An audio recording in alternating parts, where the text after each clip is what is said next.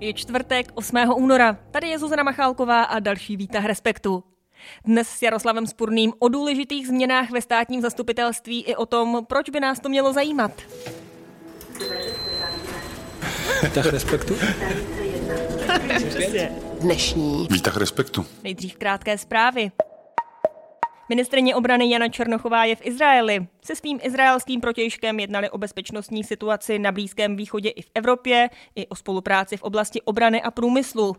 Je to ve stejný den, kdy se víc než 70 lidí z řad akademiků, duchovních, intelektuálů i studentů v otevřené výzvě obrátilo na vládu a všechny její ústavní činitele, a to právě kvůli zahraniční politice a postoji ke krizi na Blízkém východě. Pod požadavek o přehodnocení postoje vlády k humanitární katastrofě v Gaze se podepsala třeba bývalá ombudsmanka Anna Šabatová, Tomáš Halík, Václav Malý nebo Radka Denemarková. Jedna aktualizace našeho pondělního výtahu, kde jsme s Petrem Horkým mluvili o tom, jestli Boris Naděždin jako jediný protiválečný kandidát bude nebo nebude kandidovat v prezidentských volbách, tak Ruská ústřední volební komise ho odmítla zaregistrovat. Přestože měl v Ruské federaci dle svých slov vyzbírat přes 105 tisíc podpisů a taky další desítky tisíc od Rusů a Rusek v zahraničí, tak komise mu kvůli údajným chybám uznala jen nějakých 95,5 tisíce, což pro kandidaturu nestačí. Naděždin se teď proti tomu hodlá odvolat k nejvyššímu soudu. No a jednu zprávu přidá i Jaroslav Spurný, který je se mnou v centru Langhans, člověka v tísni. Ahoj. Ahoj. No, mě zaujala eh, taková naprosto regionální drobnost, kterou jsem četl a to je, že jihlavští silničáři spotřebují letošní zimu 10 tun asfaltu na zaplátování těch eh, vykotlaných silnic. A já jsem si vzpomněl, že jsem o tom psal někdy před 20 lety. A eh, už tehdy byl vnitřní dluh na opravu tady těchto silnic asi 300 miliard korun. Mm-hmm. A od té doby se to vlastně pořád tady tímto způsobem zaplátuje. A mě to tak nějak v souvislosti s tím, o čem budeme mluvit, napadlo, že vlastně tohle je tak trošku přístup tohohle státu. Že se sice snaží, ale že všechno záplatuje. Novely, zákony, vymáhání práva, energetiku a tak dál. Ale vlastně nic nedokáže dělat s žádnou vizí. No, nic, to jsem přehnal, ale ne všechno. No pojďme to rozvést každopádně. Moc ti děkuji za tu zprávu.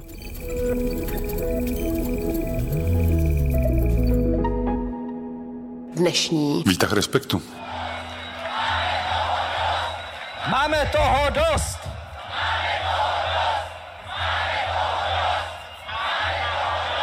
Pokud si vzpomínáte na velké demonstrace z roku 2019, které pořádal spolek Milion chvilek pro demokracii a který se účastnili desítky tisíc lidí, tak by vás asi dnešní téma mohlo zajímat, protože tehdy to bylo za vlády Andreje Babiše, kdy byla ministriní spravedlnosti i Marie Benešová. No a lidé po celém Česku demonstrovali za spravedlivou a nezávislou justici. No a po víc než 20 letech snah k tomu politici podnikli potřebný krok. Poslanci totiž schválili novelu zákona o státním zastupitelství, kdy ty změny sice nejsou bůh ví jak zásadní, ale vzhledem k tomu, co jim předcházelo, tak rozhodně stojí za pozornost. Jardo, co přesně tedy ta novela týkající se státního zastupitelství mění? A tak úplně nejpodstatnější je fakt, že nejvyšší státní zástupce už nemůže být odvolaný vládou bez udání důvodu. Ta novela ho jmenuje na dobu určitou, na sedm let, tahle doba se nesmí opakovat a odvolaný může být jen na, na základě nějakého porušení zákona nebo kárného provinění, což eh, pro veřejnost možná vypadá celkem nesrozumitelně. Právě čistě v praxi, co to znamená, co by se muselo Ale- stát za toho starého znění a za toho nového. Je to naprosto klíčové, protože nejvyšší státní zástupce rozhoduje o všech funkcích ve státním eh, zastupitelství, o vrchních státních zástupcích, o krajských státních zástupcích a tímhle, tím, že byl odvolatelný vládou bez udání důvodu den ze dne, tak se dával vládě do ruky obrovský politický vliv na ten systém eh, justiční toho státního zastupitelství. A to by mělo být nezávislé, aby mohlo řádně vyšetřovat, aby mohlo stíhat korupce, aby mohlo stíhat závažné zločiny, tak musí být nezávislé na politicích. V okamžiku, kdy byl odvolatelný, tak ten státní zástupce mohl podléhat té státní moci ze strachu z přátelství, z řady, z řady důvodů a tím, jaký vliv měl dovnitř té struktury, tak mohl vlastně ze státního zastupitelství udělat takový nástroj politické moci, což teda je naprosto nepřijatelné. Takže to je ten krok, k kterému Česko bylo vyzýváno posledních x let. Aby státní zastupitelství bylo nezávislejší. Ano, on s prvním návrhem tady tímhle světem přišel eh, o tam Otejl, který zemřel už před 15 lety a bylo to v roce 99, takže je to vlastně 25 let, co se tady tahle záležitost odříznutí státních zástupců od té politické moci řeší. No co konkrétně tomu bránilo? Bylo to to, že politici chtěli mít nad tím tu moc a pokaždé to smetli tu novelizaci státního zastupitelství ze stolu? Nebo tam no, bylo něco konkrétního? Oni tu moc měli. Oni měli a... No ale chtěli si ji udržet, byl, je to ten Oni důvod? měli a chtěli si ji evidentně udržet, protože eh, já se musím vrátit před rok 2010, kdy byla tehdy nejvyšší státní zástupkyně Renata Vesecká, která tehdy velice necitlivě zasáhla do jednoho případu vyšetřování korupce tehdejšího místo předsedy vlády Jiřího Čunka. Ona to odebrala, ten případ státnímu zástupci, který to dělal a který směřoval k obvinění Jiřího Čunka, což by mohlo vést k rozporu tehdejší koalice. A Renata Vesecká jaksi spotřeby hájí tu politickou moc, protože tam měla kamarády, měla tam lidi, které respektovala, tak to odebrala tomu státním zástupci, dala to jinému a ten tohle stíhání místo předsedy vlády Jiřího Čunka zastavil. To vyvolalo v té struktuře státních zástupců obrovskou bouři. To se nedělá. Najednou si všichni, a tehdy i veřejnost, uvědomili, byla rána do čela, uvědomili, jak je to křehká struktura, Tehdy se hodně volalo po vymahatelnosti práva, po stíhání korupce, po stíhání všech těch vládních skandálů, kterých teda tehdy byla spoustu. A jediný, kdo to mohlo dělat, byli státní zástupci. Ale v okamžiku, kdy byli v područí té politické moci, tak samozřejmě jsme viděli, kolik případů se zametlo pod koberec a tak dále. A tohle vlastně vyvolalo obrovský pnutí a obrovskou potřebu to změnit. Ono to hlavní se v celém tom příběhu děje v posledních zhruba 12 letech, kdy se to znovu začalo řešit za vlády Petra Nečase. Tak jak to vlastně tehdy celé bylo? No právě vláda Petra Nečase to v úvozovkách odnesla. Musela hmm. to řešit, protože ten tlak veřejnosti byl tak velký a byla to první vláda, která skutečně přišla a byl tam tehdy seděl tam současný minister spravedlnosti, tehdy také minister spravedlnosti Pavel Blažek a ten eh, novelu zákona vymyslel a byla ta eh, novela zákona skutečně eh, vyhovovala všem předpisům, všem protikorupčním potřebám nejen českým, ale i evropským hlavně přinášela to, o čem jsme se bavili, že by nejvyšší státní zástupce nepodléhal přímo té vládě, že by nebyl odvolatelný. Podám demisi na pozici eh, předsedy vlády. Tenhle zákon tehdy s pádem vlády Petra Nečase,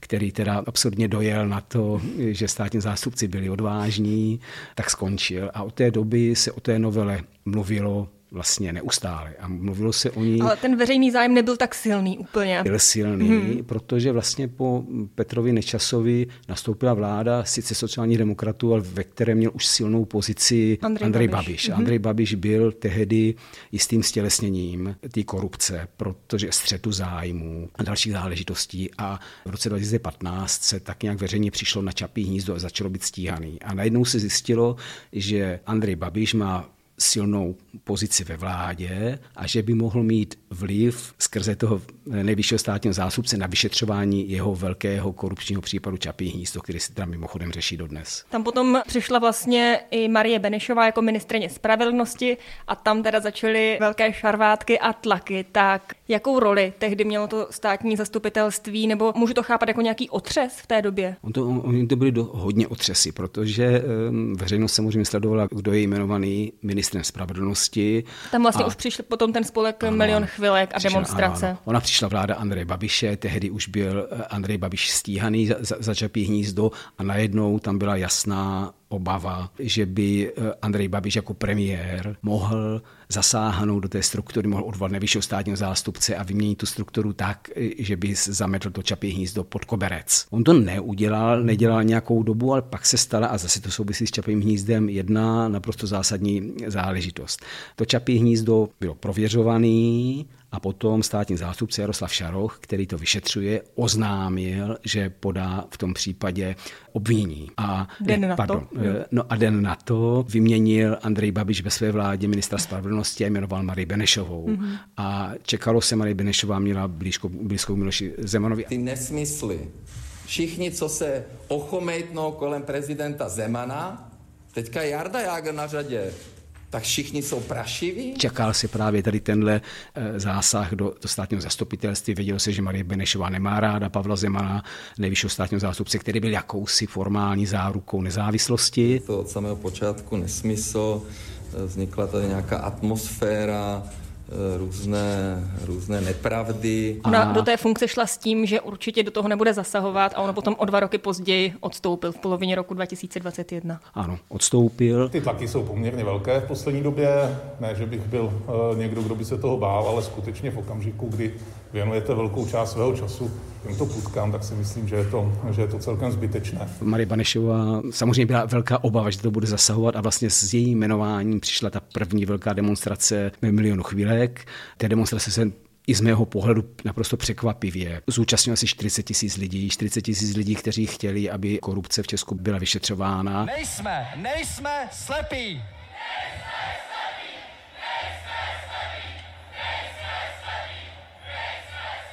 A to vlastně vyvolalo obrovský tlak na změnu toho zákona, aby prostě bylo nezávislé. Já to slovo budu používat pořád no, dokola, protože pořád, stá, pořád stále v tenhle okamžik byl Pavel Zeman den ze dne odvolatelný.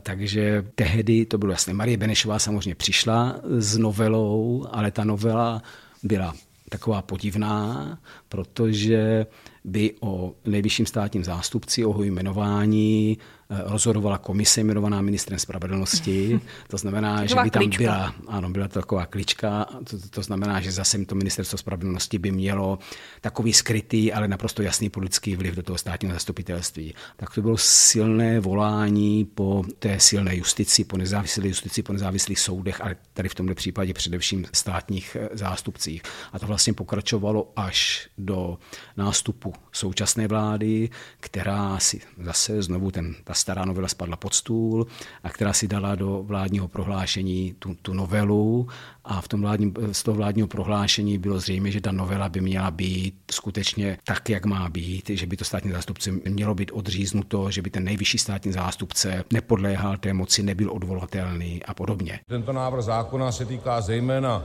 postavení vedoucích státních zástupců, a že v zásadě i v této oblasti jsou podány zejména pozměňovací návrhy. On to nebylo tak jednoduchý, protože ODS od doby Petra Nečase a zásahu na úřadu vlády kvůli té tehdejší milence Petra Nečase, Jane Naďové, ten případ znají všichni, nebo nebudu popisovat, tak ODS moc neměla ráda státní zástupce. S obrovským sebezapřením tu nezávislost pouštila. To znamená, že i tahle vláda přišla, pokud šlo o tuhle novelu, ze třemi návrhy a z toho dva zase nedávali tomu nejvyššímu státnímu zastupitelství tu nezávislost. Mm-hmm. Bylo to kritizované, byly, byly o tom obrovské debaty a pak už se začaly hrát teda opravdu takový ping-pong o detaily, které by nebyly úplně srozumitelné, ale na konci přece jenom stálo. Ne, jak si říkal na začátku, úplně dokonalý zákon, ale přece jenom zákon, který dává tomu nejvyššímu státnímu zástupci a celé té struktuře tu nezávislost. Pro 155 proti 0.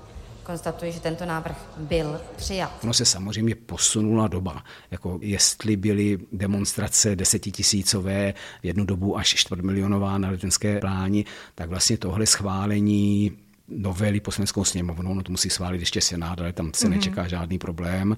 Tohle schválení prošlo vlastně bez povšimnutí, žádné Právě. velké vášně. To, Jak se to vysvětluješ? To je možné si vysvětlovat dvěmi způsoby. Jeden je, že veřejnost už jaksi rezignovala na to, že stát si s korupcí dokáže poradit a už si toho moc nevšímá.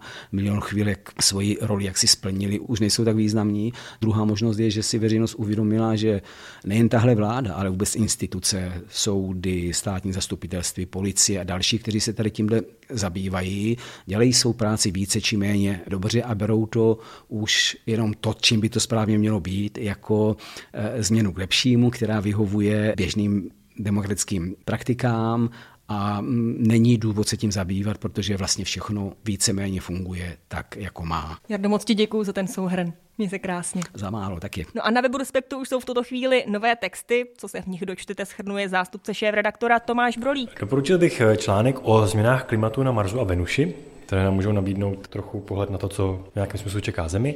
A potom z úplně jiného ranku máme od Petra Horkého kolegy rozhovor o cestování vlakem. Vítah Jo. Výtah respektu.